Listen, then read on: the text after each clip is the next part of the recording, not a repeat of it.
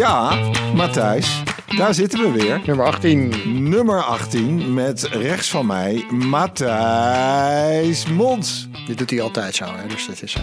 Matthijs, hoe is het met je vandaag? En Michiel Meijer, voor degene die voor het eerst luisteren, kan me niet voorstellen overigens. Maar Michiel Meijer, directeur van Ombrugge Adviesgroep. Ja, en onderdeel van de Veldsikgroep en dat hele riedeltje. Maar dat kennen we. Hoe, hoe is het met jou? Heb je er zin in vandaag? Absoluut, absoluut. Want we hebben een dame te gast. Maar thuis, wie hebben wij te gast vandaag? Nou, eigenlijk een dame die wij tot vandaag nog helemaal niet kenden. We hebben natuurlijk een beetje zitten voorpraten net. Um, ja, maar uh, jij bent hier te gast hè, op, uh, op aanraden van Marcel Zuidam.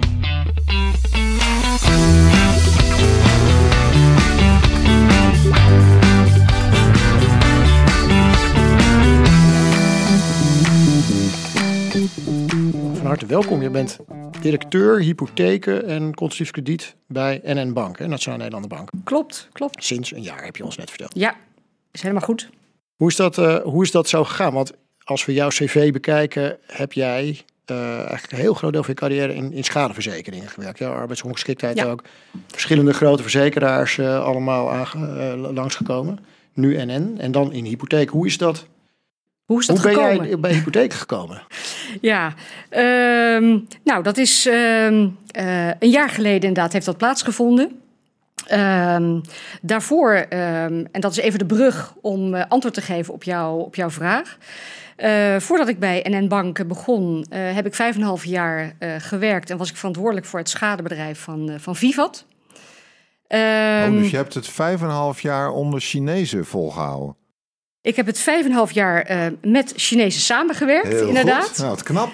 met heel veel plezier. En um, dat was echt een hele mooie tijd. En ik ben daar in 2015 begonnen. het schadebedrijf stond er toen erbarmelijk voor leed een heel groot verlies. En met een aantal uh, uh, collega's, goede collega's, hebben we in een paar jaar tijd het bedrijf om te weten buigen naar een heel mooi bedrijf. Met groei, met hele mooie resultaten, met een hoge klanttevredenheid.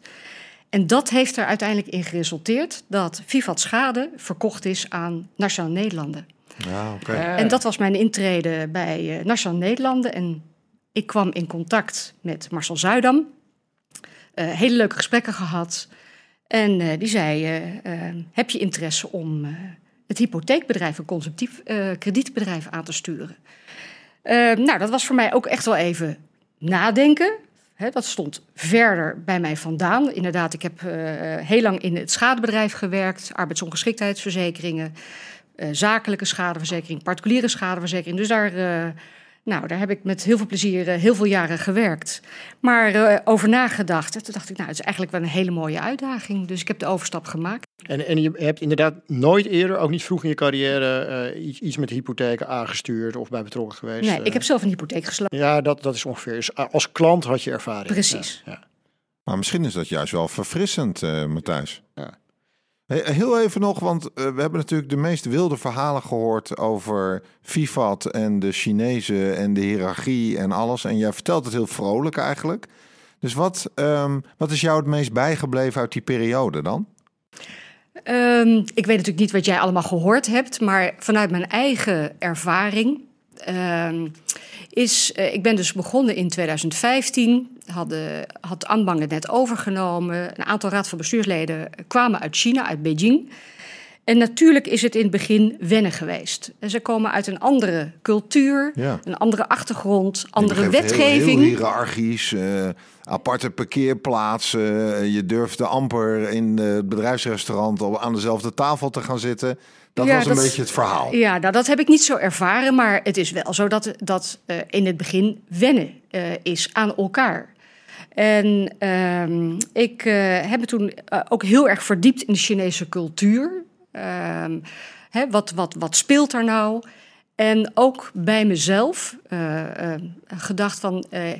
je moet niet veroordelen of oordelen, maar verwonderen. En op het moment dat je dat doet...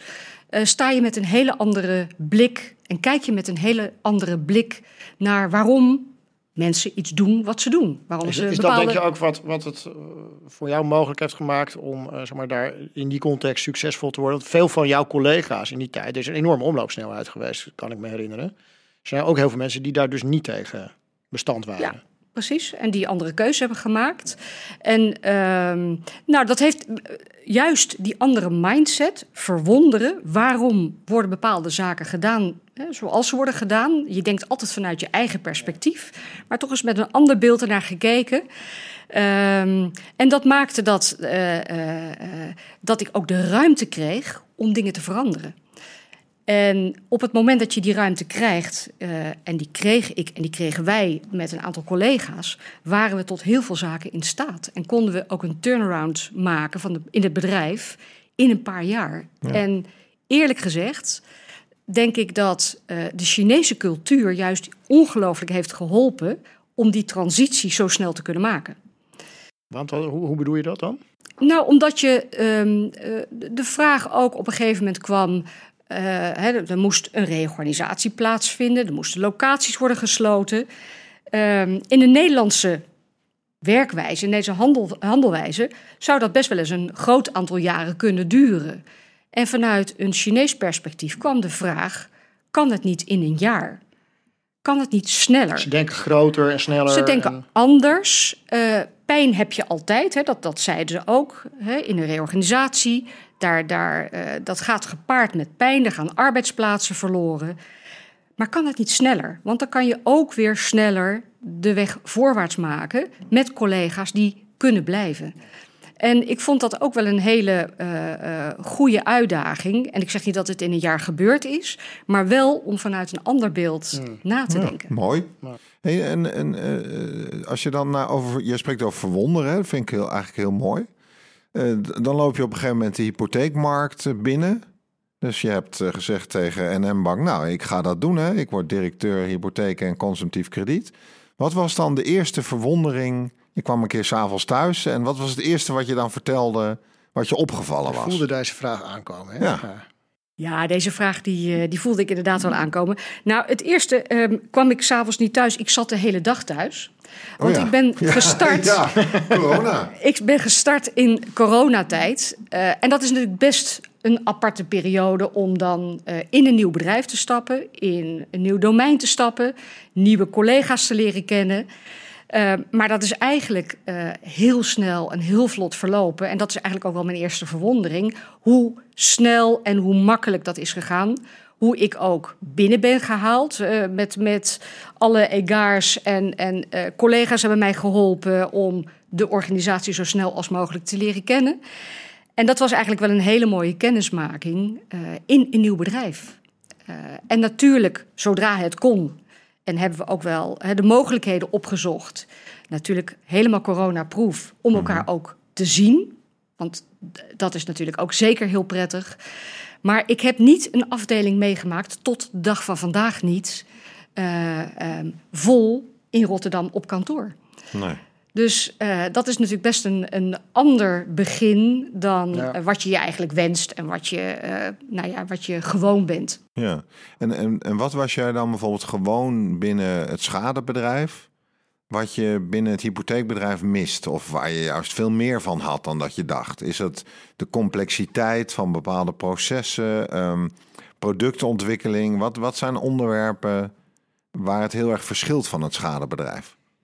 Nou, het grappige is, en je zult me bijna misschien niet geloven, maar het grappige is dat er ongelooflijk veel overeenkomsten zijn. Als je kijkt naar een schadebedrijf, dat is een dynamische uh, organisatie in de regel. Hè. Je, hebt, uh, je hebt met verzekeringen te maken, verzekeringen sluiten, je hebt met schades te maken en je hebt met maatschappelijke relevantie te maken. En die parallel zie ik ook heel duidelijk bij hypotheken en consumptief krediet. Je staat midden in de maatschappij. En dat brengt ook een bepaalde dynamiek met zich mee. Dat brengt ook mee dat de collega's met wie ik werk uh, ongelooflijk en iedere dag bezig zijn met de klant. De klant helpen. En dat is eigenlijk wel heel erg vergelijkbaar met schade, wat ik me van tevoren niet zo had gerealiseerd. En uh, nou, dat is iets wat ik, wat ik heel duidelijk uh, uh, zie in het, in het hypotheekbedrijf. Um, ja, we zijn met de klant bezig, we willen het goed doen, we willen de adviseur goed en snel helpen. We willen de, de klant goed en snel helpen. Ja, en dat vind ik echt wel een, een, een heel groot goed wat ik zie in het, in het bedrijf. Hmm. Wat kan hypotheken leren van schadeverzekering? Heb je daar over nagedacht? Ehm, wat kan hypotheken leren in het uh, van het schadebedrijf? Nou, ik denk dat. Ehm, ehm, en ik kan niet voor de hele markt spreken, maar ik denk dat, dat we nog echt in digitalisering en het gebruik maken van data uh, nog stappen kunnen zetten. en ik denk dat schade daarin wat verder is. Um, en dat komt misschien ook omdat uh, nou ja, de andere marges uh, uh, zijn geweest altijd bij schade, waardoor je de noodzaak ook hoger is om nou, een aantal jaren eerder te digitaliseren. Maar ik denk dat dat bij hypotheek en consumptief krediet ook speelt. En overigens is het niet alleen een financieel aspect, maar is het natuurlijk ook van hoe kunnen we de klant op een hele goede manier datagedreven helpen. Ja. Ik dus, heb ook, ik, ik, dat je dat nou, zegt. nou, Matthijs, dat is uh, koren op jouw molen, ja, ik denk sla aan nu. Ja. Uh, nee, ik, heb, ik heb wel vaker gezegd van, van hè, wat houdt ons nou eigenlijk tegen om een hypotheek af te gaan sluiten zoals je een autoverzekering kan afsluiten. Hè? Uh, en of dat nou wel of niet via een adviseur loopt, is dan weer een tweede discussie. Want de klant heeft natuurlijk wel een voorkeur. En ik denk dat dat nog heel lang doorgaat voor adviseurs hè, bij hypotheek, terwijl dat niet per se bij schadeverzekering het geval is. Dus dat speelt ook een rol in die digitalisering. Maar dat wil niet zeggen dat je het, het proces achter advies niet heel erg goed zou kunnen digitaliseren natuurlijk. En um, dat, dat ben ik volkomen met je eens. Dat gaat langzaam in onze sector. Uh, dus inderdaad heeft dat ook wel weer iets met noodzaak te maken. Uh, noodzaak en ja, en dan vanuit een positieve kant. Ik denk dat we de klanten sneller en beter ook kunnen helpen als wij op een hele goede manier gedigitaliseerd zijn en ook gebruik maken van de data die de klanten ook ons ter beschikking heeft gesteld. Dus daar kunnen we echt ook waarde toevoegen, meer waarde misschien toevoegen dan uh, op dit moment uh, gebeurt. Zie jij dat ook als een van de dingen die jij wil gaan brengen bij, uh, ja. bij? Ja, zeker, zeker. Dit is echt een heel belangrijk thema binnen de bank en binnen hypotheken en, en CK, consultief krediet, om juist echt die, die stap voorwaarts te maken. En, en de klant dus nog beter te kunnen helpen. En wil dat dan ook zeggen dat uh, NM Bank voorop loopt in uh, projecten als brondata, het accepteren van hypotheken op basis van data zonder dat consumenten de zaak hoeven aan te leveren? Kun je ons daar eens in meenemen? Waar staat NM Bank binnen hypotheken daar? Ja, ik, uh, ik vind het altijd lastig te zeggen om de, of we nou voorop lopen.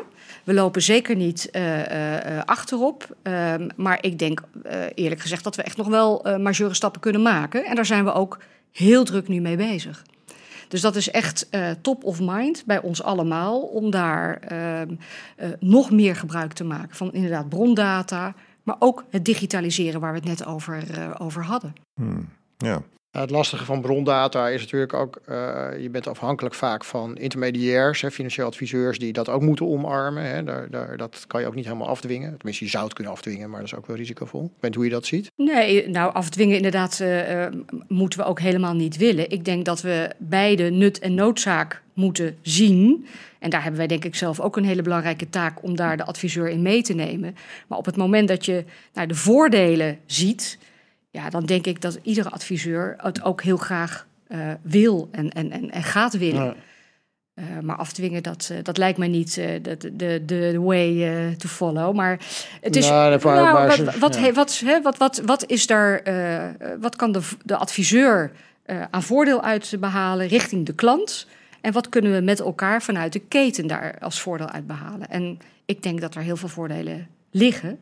Nou, en die stap moeten we met elkaar maken. Ja, er is wel een soort kip-ei-vraagstuk, waarbij veel financieel adviseurs aan het kijken zijn naar de geldverstrekkers van joh, als jullie nou eens gaan uh, accepteren op basis van brondata, dan willen wij ze wel, wel uh, laten aanleveren. Nou, en andersom zijn, zijn er heel veel geldverstrekkers die zeggen, ja, het intermediair doet niks met brondata bijna. Dus uh, ja, hoe kan ik dan nou, data gedreven hypotheek in de markt zetten? Maar ik zou, er zijn wel wat initiatieven nu, hè, maar we zijn ook vijf jaar niet. verder sinds oktober. Ja, ik weet dat jij daar heel kritisch, dat jij er heel kritisch op bent. Maar als we bijvoorbeeld kijken naar het initiatief van de ASR, waarmee je bijna zonder, of eigenlijk zonder stukken aanleveren, een volledig geaccordeerd hypotheektraject kunt ja. afronden. Nou, dat, dat, dat is, de, dan, ja, dat, dat is, een van de 48 uh, geldverstrekkers. Ja, maar, is, maar thuis, wat jij ziet heel veel projecten binnen geldverstrekkers. Jij uh, kijkt natuurlijk al jaren naar de sector. Wat is, wat is jouw beeld bij NM Bank? Dus als jij nou eens in drie woorden uh, NM Bank als hypotheekverstrekker mag typeren. Wat, wat zouden dat dan, welke drie woorden zouden dat dan zijn? Um, nou, ik denk ik, weet, ik ga nu al veel te veel woorden gebruiken, maar ehm, impactvol. Ehm, snel groot geworden in de afgelopen jaren. Ehm, en verder met digitalisering ten opzichte van anderen dan je net in je eigen verhaal eigenlijk doet voorkomen. Dus jullie, doen behoorlijk mee op dat gebied, is mijn beeld. Um, kijk, NN is van, van oorsprong natuurlijk een verzekeraar met een ontzettende dominante positie uh, in de markt. Niet specifiek de hypotheekmarkt, maar gewoon de verzekeringsmarkt. Was altijd relatief klein in hypotheek, maar heeft dat de afgelopen jaren wel een serieuze bank opgebouwd. Met waar ik veel respect voor.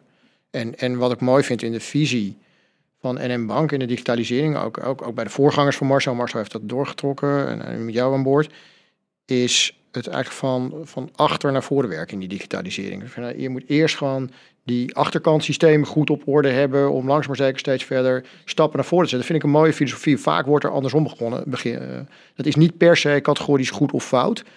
Maar die vlucht naar voren is niet altijd de juiste richting die voor je gaat werken. Want je kan gigantisch vastdraaien dan aan de achterkant. Okay, nou, dat hebben jullie heel slim gedaan. Nou, Sitske, de vraag aan jou. Ik vroeg het natuurlijk aan Matthijs. Uh, en Matthijs kwam met zijn drie woorden. Welke drie woorden had jij gehoopt dat Matthijs zou zeggen over NM Bank? Dus wat is jouw stempel het afgelopen jaar op de club geweest? Nou, ik vind het heel leuk en heel mooi te horen dat Matthijs uh, ook, ook aangeeft dat de digitalisering binnen NN Bank eigenlijk al heel ver is.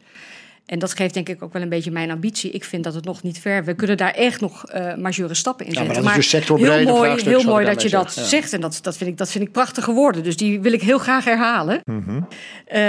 uh, nou, ik, ik uh, vind denk ik ook zelf wel belangrijk. En misschien had ik dat ook wel gehoopt. Hè? Ook wel een, een bedrijf dat er inderdaad toe doet. Hè? We zijn heel erg gegroeid. En ook echt een klantgericht bedrijf. Wij willen het goed doen voor de klant. Ehm, en ook daar maken we nog stappen in. Hè. Iedere dag maken we het een stukje beter. Maar als ik kijk naar ehm, waar we voor staan om de klant te helpen, om de klant te ondersteunen, ook in het verduurzamen, in het gezond wonen. Ja, dat zijn hele belangrijke thema's waar we mee bezig zijn. Even over gezond wonen. Hè? Um, Jij bent voor mij uh, de nieuw kid on the blok in uh, hypotheekmarkt. Hè? Je bent er net. En nou, gisteren, of wat is het, recentelijk in januari en februari had jij hartstikke mooie interviews in de AM en op andere plekken. En had jij het over het binnenhuisklimaat. En, en toen dacht ik even, waar, waar gaat dit naartoe? Maar kun je ons eens even meenemen in waarom jij het interessant vindt hoe het binnenhuisklimaat van de familie Jansen uit Lelystad eruit ziet als hypotheekverstrekker? Ja, het binnenhuis. Het, artikel was niet duidelijk genoeg. Uh... er stond binnenhuisklimaat. ik, heb, ik heb het een paar keer gelezen. Ja, heel... Het artikel was heel duidelijk hoor. nee, wat ik, ik misschien heel even, want niet, bijna niemand kent dat artikel, daar ga ik vanuit. Maar um, waarom lichten jullie dat, dat thema er zo uit? Wat, wat is de drive precies, daarachter? Precies. Ik denk dat dat er misschien even om daarmee te beginnen. Ja, nou, kijk, gezond wonen. Wij uh, verblijven heel veel thuis. Hè? Je huis, je, je, je domein waar je je veilig en waar je je lekker voelt. Daar hoort ook gezond bij. En dat is denk ik de afgelopen periode waarin we uh, aan huis gekluisterd zijn. Is dat nog belangrijker dan misschien daarvoor? En realiseren we ons misschien nog meer dat het huis uh, een veilige en een fijne omgeving moet zijn. En Ehm, nou, daar eh, ehm, zijn wij een tijdje geleden eigenlijk ingedoken. Ook een beetje bij toeval dat we erachter kwamen dat dat gezonde leefklimaat in je eigen huis, in je eigen woning, toch soms wel te wensen overlaat. En dat had ik me niet gerealiseerd dat dat zich zou voordoen. fijne woning, gezond. Maar in heel veel woningen is dat niet zo. En nou, dat heeft ons eigenlijk ook wel op, het, op de gedachte gebracht van um, hoe kunnen we dat nou uh, onder de aandacht krijgen? Hoe kunnen we dat bewustwordingsproces uh, onder de aandacht brengen? Dat het niet een vanzelfsprekendheid is. En nou, daar zijn we dus heel nadrukkelijk mee bezig. En dat, dat ligt natuurlijk ook in het verlengde van gezond, duurzaam, gezond kunnen wonen. Mm -hmm. uh, dus dat is eigenlijk ook wat dat betreft een hele belangrijke brug waar we mee bezig zijn. Ja. En um, Wat, wat, wat verwacht je uh, op dat gebied, of wat hoop je eigenlijk, hè, uh, wat de hypotheekadviseur daarmee gaat doen? Dat, dat pleidooi las ik er ook een beetje in van. Nou, het zou mooi zijn als de hypotheekadviseur in het advies ook stilstaat bij dit soort vraagstukken. Ja, ik denk dat het, dat het voor de adviseur ook een hele mooie kans is om dit mee te nemen. Kijk, de adviseur die kent de klant goed, die weet uh, waar de klant mee bezig is. Uh, bij het kopen van een woning uh, of bij het verbouwen van een woning waar een, een, een hypotheek voor nodig is. En het zou natuurlijk fantastisch zijn, het is fantastisch als de adviseur dit meeneemt in zijn adviesgesprek. Op het moment dat je verbouwt, wat kun je doen of wat moet je niet doen? En uh, van heel uh, eenvoudig tot misschien wat meer complexe zaken, om dat mee te nemen in je adviesgesprek. En ik denk dat dat van heel grote waarde is vanuit de adviseur ja. richting de klant. En misschien, misschien voor jou, uh, vind jij dat haalbaar? Als je naar Van Brugge bijvoorbeeld kijkt, van, laten we dat ook nog eens nou, in het adviesgesprek ik, ik gaan meenemen. Want ik weet wel dat er een soort strijd van topics is en, en in, in, in, in weinig tijd, in weinig schapruimte bij zowel de klant als de adviseur. Hè. Dus kan dit er nog bij? Het is al zo moeilijk om überhaupt bij arbeidsongeschiktheid stil te staan en werkloosheidsrisico's. En uh, gaat deze dan, gaat dit lukken? Ik vind het een mooi thema namelijk. Ja, ik weet, ik weet ook dat er wat ik speelt. interessant vond, want ik heb het inderdaad wel een paar keer moeten lezen voordat ik het uh, goed begreep. Uh, Matthijs zegt altijd, het kan ook te maken met mijn intellectuele vaardigheid om iets goed te snappen. Ik maar helemaal niks. In, de, in deze... Er zei niks over mijn schoenmaat, zeker. Nee, ja. nee, het is wel een dameschoen trouwens, die aan met maat 39. Maar dan maakt niet uit. grote ambities. Ja. Um, ik dacht in eerste instantie, staat dit niet zo ver van mijn bed als hypotheekadviseur dat ik hier chocola van kan maken? Toen las ik het nog een keer, waarin ook jij volgens mij zei dat je zelf ook uh, apparaten in huis had gehad. Waaruit bleek dat er zoveel luchtvochtigheid ook in het huis zat. Nou ja, dat je daardoor een aantal dingen anders bent gaan doen. En toen dacht ik wel, ja, dit is wel een hele interessante insteek. Want we kijken wel steeds naar, zeg maar, verduurzamen aan de buitenkant. Maar we doen eigenlijk niks aan de binnenkant. Um, ik denk wel dat het wat. Um, dat het absorptievermogen, dat het even tijd gaat vergen voordat hypotheekadviseurs zich dit ook echt eigen maken. Want het was wel een, ik vond het best wel een complex dingetje om even te snappen. Ja, ja vind ja. Ik, ik, ik, ik denk inderdaad dat het absorptievermogen een uitdaging wordt. Maar het thema zelf vind ik wel, het is wel een soort uh, trigger. Ik, ik merkte wel van, hè? Nou, eigenlijk nog nooit over nagedacht. Precies. En ik denk dat heel veel en mensen dat... zo reageren. En het is natuurlijk ook geen onzin, dus het is wel iets. Het is, er is vaak wel iets. Um, maar het, er is dan vervolgens, als je dat wil uitzoeken, best wel gedoe. En dan moet je goed nadenken over waar hebben we het dan over en wat moet, kan ik dan allemaal doen. En ja, voor je weet ben je een kwartier met je klant daarover aan het praten. En die tijd is er dan vaak niet. Ik denk dat daar de praktische problematiek zit. Maar nou, ik denk dat je met een aantal stappen de klant uh, kunt wijzen op, nou, kijk daarnaar of kijk daarnaar.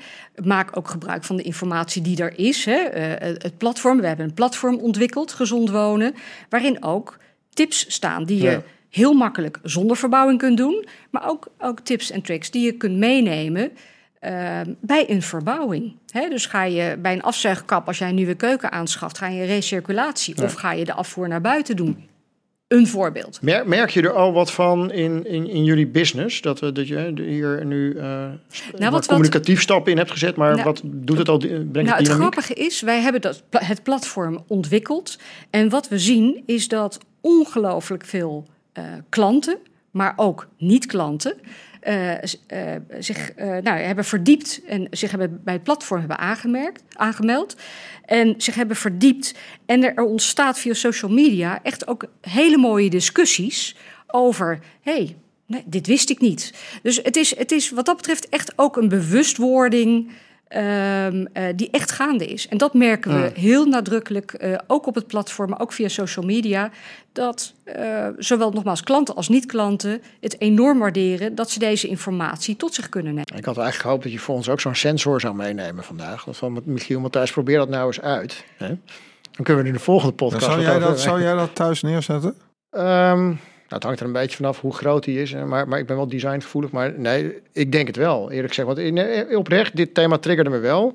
En je, eigenlijk weet je het ergens wel. Het is zo'n soort, soort alarmbelletje dat dan afgaat uh, van ja. Fijn, ik kook op gas, we hebben heel vaak kaarsen aan. Barst waarschijnlijk van de fijnstof. Mijn zoontje is hartstikke allergisch voor, voor stof, huisstof. Uh, hoe vaak hebben we die ramen openstaan in, in de winter? Weet je, dus er zijn heel veel van die dingen. Waarschijnlijk is het dramatisch bij ons. Ja. Nou, ik zou het heel leuk vinden. Uh, ik heb nu de sensor niet meegenomen, maar uh, bij deze zeg ik toe dat jullie hem kijk, krijgen. Kijk, kijk. En het is, het is een, een patroon. Bij ons staat hij, bij mij thuis, staat hij uh, nou, op een kastje in de woonkamer. Op dit moment. Hmm. En s'morgens, als je beneden komt, voordat je je computer opstart. nou, je kijkt even, wat is de temperatuur? Dus je gaat naar de thermostaat en je drukt even op de sensor van... Nou, hoe ziet het eruit?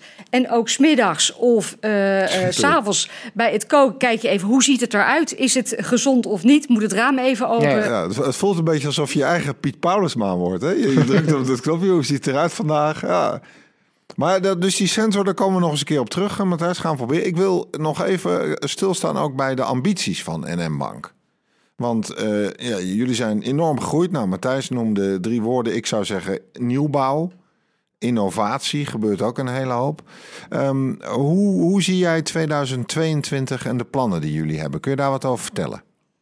Uh, ja hoor, daar kan ik zeker wat over vertellen. Um, nou, een heel belangrijk thema is natuurlijk al genoemd. De plannen om verder te digitaliseren en optimaal gebruik te, maken van, van data... om onze klanten uh, op een hele goede manier uh, en nog beter te ondersteunen. Um, maar daarnaast, uh, wat ook echt een, hele, een heel belangrijk thema is, en dat zal jullie denk ik niet verbazen. Hè, ik had net al een beetje de brug uh, gezond wonen, maar ook duurzaam gezond wonen, verduurzaming. Dat is natuurlijk een ongelooflijk belangrijk thema. Uh, voor iedereen en ook voor ons als bank. En wij willen daar echt stappen in maken. Ehm, dus daar zijn we echt heel druk mee bezig om te samen met een initiatief Powerly vast wel bekend, mhm. om daar gezamenlijk ook op te trekken. Uh, om te kijken hoe wij onze klanten echt kunnen helpen, kunnen ondersteunen om die verduurzaming in te zetten. Want we willen denk ik allemaal, of iedereen staat daarvoor open, maar hoe dan? Hoe gaan we dat doen? Mm -hmm. En dat is echt een heel belangrijk thema voor 22, nou, maar ook voor de jaren daarna. Maar als jullie daar zwaar op inzetten, hè, als NN Bank, op verduurzaming, uh, wat ik op, op zich begrijp. Jullie hebben ook uh, en het valt niet onder jouw verantwoordelijkheid, vertelde je net voor dit gesprek, maar uh, je hebt ook Woon nu uh, als, als echt puur duurzaam label in die markt gezet. Gaat dat elkaar niet in de weg zitten dan? Dat je... Nou, dat, ik denk dat verduurzamen elkaar helemaal niet in de weg zit. Ik denk alleen maar dat het elkaar gaat versterken. Inderdaad, Woon is echt een, een heel mooi label wat juist ook met die propositie in de markt is gezet. maar als we kijken naar het NN-label, dan hebben we daar in de woningen die wij eh, in onze portefeuille hebben, de klanten die wij helpen, hebben daar nog majeure stappen in te zetten. Uh, zoals denk ik heel veel geldverstrekkers. Ja, en we hebben uh, vanuit NN ook het klimaatakkoord ondertekend. Daar willen we echt invulling aan geven. Dus daar is een, een uh, flinke weg te gaan. En dat gaat elkaar echt niet bijten. Daarvoor zijn de stappen nog veel te groot die we moeten zetten. Dus verduurzamen wordt een thema. Um, nou, Matthijs is hier de oudste aan tafel van ons drieën. Dus we moeten denk ik ook even stilstaan bij vergrijzing, de Vitalo en verzilveren. Is uh, NM Bank ook actief op het uh, domein verzilveren, uh, woningaanpassingen mogelijk maken, et cetera? Hebben jullie communities of werken jullie samen met partijen op het gebied van senioren? Ja, nou dat is wel grappig dat je dat vraagt. Wij hebben een initiatief en dat heet Club. Ja. Um, ja, en dat is natuurlijk een, een initiatief waar ja, ouderen, uh, de 50-plussers, dat, dat noem ik overigens geen ouderen. Nee, uh, zeker niet. Nee. Toch? Nee, 50-plussers zijn geen ouderen. Dat is de even heel erg benadrukken. Nou, de, de 30er zou ik zeggen. Ja. Um, uh, Club is echt een hele mooie, mooi initiatief waarin de 50-plussers bij elkaar kunnen komen. initiatieven voor fun, maar ook uh, voor de inhoud uh, van elkaar kunnen leren. Ja, en dat, dat is natuurlijk wel een heel prachtig initiatief om kennis en kunde uh, en mensen bij elkaar te brengen. En is dat veel... een soort community? help ons een beetje. Is dat een community? Is dat in het buurtcentrum? elke vrijdagavond met z'n twaalfen bij elkaar komen. Hoe, hoe, moet ik dat zien? Nou, dat zou zomaar een keer kunnen gebeuren als daar interesse uh, voor is. Nou, uh, uh, be my guest om, om dat te doen. En dat zal. Uh, er wordt juist ook gekeken van waar liggen de interesses van nou, de mensen die het leuk vinden om elkaar te ontmoeten. Of om een keer naar een, een voorstelling te gaan. Nou, nu in coronatijd ook wel even iets lastiger, maar uh, dat gaat natuurlijk ook wel weer komen. Maar juist is het een, een, een, een idee en, en een, uh, een platform waar mensen elkaar kunnen ontmoeten. Ja. En uh, nou, gelijkgezinden elkaar kunnen opzoeken. En nou, of dat een buurthuis is of uh, een, uh, een voorstel van Karen Bloemen. Het kan... Wat goed, en dat, dat kunnen ook mensen zijn die geen NM-bank klant zijn. Dus je, je, faciliteert een hele Precies. community. Precies. Nou, wat een mooi uh, uitgangspunt. Vind ik zelf. Heel mooi. Ja, Ja, absoluut. Ja. Matthijs, we naderen alweer de laatste vraag. En uh, zoals de traditie van de 18e podcast ook weer is, mag jij de laatste vraag stellen. Nou, dan zal ik er nog eentje doen. We hebben het eigenlijk helemaal niet over CK gehad. Het is ook de hypothekenpodcast of constructief krediet. Eh, maar je bent wel voor beide verantwoordelijk. Wat, wat wij bij Yellowtail waarnemen is ehm, eigenlijk dat de constructieve kredietmarkt op, digitalisering ook weer wat verder is vaak dan de hypotheekmarkt. Eh, bijvoorbeeld met PSD2, hè, je hebt het net over datagedreven werken. Dat wordt daar echt bij diverse partijen al echt in het acceptatieproces gebruikt. Ervaring is ook dat klanten dat best wel willen delen. Eh, ik weet niet of doen jullie op dat gebied al wat? En zie je ook inderdaad dat dat misschien dan een soort voorportaal kan zijn voor wat je ook later in hypotheken kan toepassen? Nou, ik denk dat je gelijk hebt dat de, CK-branche eh, wat verder is in het algemeen dan, eh, dan de hypotheekmarkt. Ehm, waar we het er straks over hadden. Ik denk ook dat daar de noodzaak ligt, omdat daar de marges misschien ook wat anders eh, eh, liggen.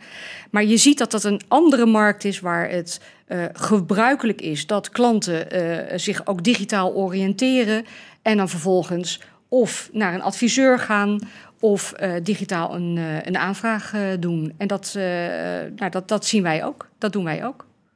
Ja, dus dat is heel herkenbaar wat je zegt. Dus eigenlijk is, als we naar CK kijken, weten we eigenlijk wat we kunnen verwachten in hypotheken waar het digitaliseren betreft. Is dat een beetje de. Ja, dat is een beetje, ik denk dat het een beetje zwart-wit is, maar Het is een Het is- ander product. Het is natuurlijk, het, het, is, het, het gaat allebei over geld lenen. En, en ik vind CK, zeg maar, de vereenvoudigde versie daarvan. Ehm, hè, want het gaat om kleinere bedragen en, en, en, en het is laagdrempeliger en er staat geen onderpand tegenover. En zo. Er zijn, hè, dus er zijn verschillen. Het is wat kleiner, wat laagdrempeliger, het moet wat sneller. Ehm, en uiteindelijk, de, de, maar in termen van kansberekening, het risico is veel groter. Niet in het bedrag, maar wel in dat het misgaat. Dus er is enorme scherpte in dat acceptatiebeleid nodig. Maar tegelijkertijd wil je het snel en efficiënt doen, want er is niet zoveel tijd in dat proces. We gaan niet zes weken over een CK-aanvraag doen. Ehm, en dat, dat maakt het ideaal voor datagedreven werken. En klanten zijn ook heel bereid om, om daar dan stappen eh, werk voor te verzetten. Namelijk data delen in dit geval. Dus wij merken met PSD2 bij een aantal klanten dat... Gewoon, dat wordt in 50, 60, 70 procent van de gevallen worden er gewoon PSD2-data gedeeld. Dat gaat, dat gaat veel laagdrempeliger Ja, ja, dan wat wij in de hypotheekmarkt nu met bijvoorbeeld eh, Octo meemaken. Ja, nou ja, misschien eh, gaan we dat dan in de hypotheekmarkt ook weer zien. En dan Nou, daar is kan de hypotheekmarkt serieus van leren. Van maar wat dan daar in is CK gebeurt. Dat En denk ik dan is echt. het natuurlijk schitterend bij NM Bank dat daar iemand zit die zowel verantwoordelijk is voor hypotheken als voor consumptief krediet. Ook nog eens recentelijk op de plek gekomen is, dus nog met een frisse blik kijkt. Dus eh Sitske, we willen jou heel veel succes wensen eh, de komende periode. Dank voor jouw aanwezigheid in, eh, in onze podcast. Voor de luisteraars, Matthijs, wat is jou het meeste bijgebleven? Ik ga altijd de slotvraag van Michiel, eh, die je nooit kan voorbereiden. Nou ja, ik, ik, ehm, ik denk, Sitske, dat jij eh, heel erg hebt laten zien van... oké, je doet maar een jaar, zit je in de hypotheekmarkt... maar je praat erover alsof het al 15 jaar is. Want ik, dat, dat gemak waarmee je erover praat viel me wel heel erg op. En ja, en, en eh, eh, verduurzaming, eh, digitalisering en datagedreven werken... en het binnenhuisklimaat. En wij hebben er een cent voor verdiend vandaag, Michiel. Ja, Ja, nou dat ja. heb je dus snel gedaan. Zo is het. Maar dit was hem dan, eh Matthijs. Ik moet zeggen, ik heb eh, van je genoten. Ik heb, dat kunnen de luisteraars niet zien, maar ik heb regelmatig naar je nieuwe sneakers zitten kijken. Die, waar we achter gekomen zijn, maat 39. En ik vroeg me af, als je 41 op een damesmaat loopt, huppel je dan ook meer? Of loop je nog steeds de strakke pas van vroeger? Ik ren alleen maar. Je rent al heerlijk. Hé, hey, maar Matthijs, dat was hem. Ehm, onze luisteraars, dank voor het luisteren. Eh, je kunt uiteraard je vragen stellen via LinkedIn. Je weet Matthijs eh, of mijzelf eh, ongetwijfeld via alle kanalen te vinden. De podcast is weer overal te luisteren waar we altijd te luisteren zijn. En eh, nou, we luisteren en zien jullie graag weer terug in de volgende podcast. Dankjewel.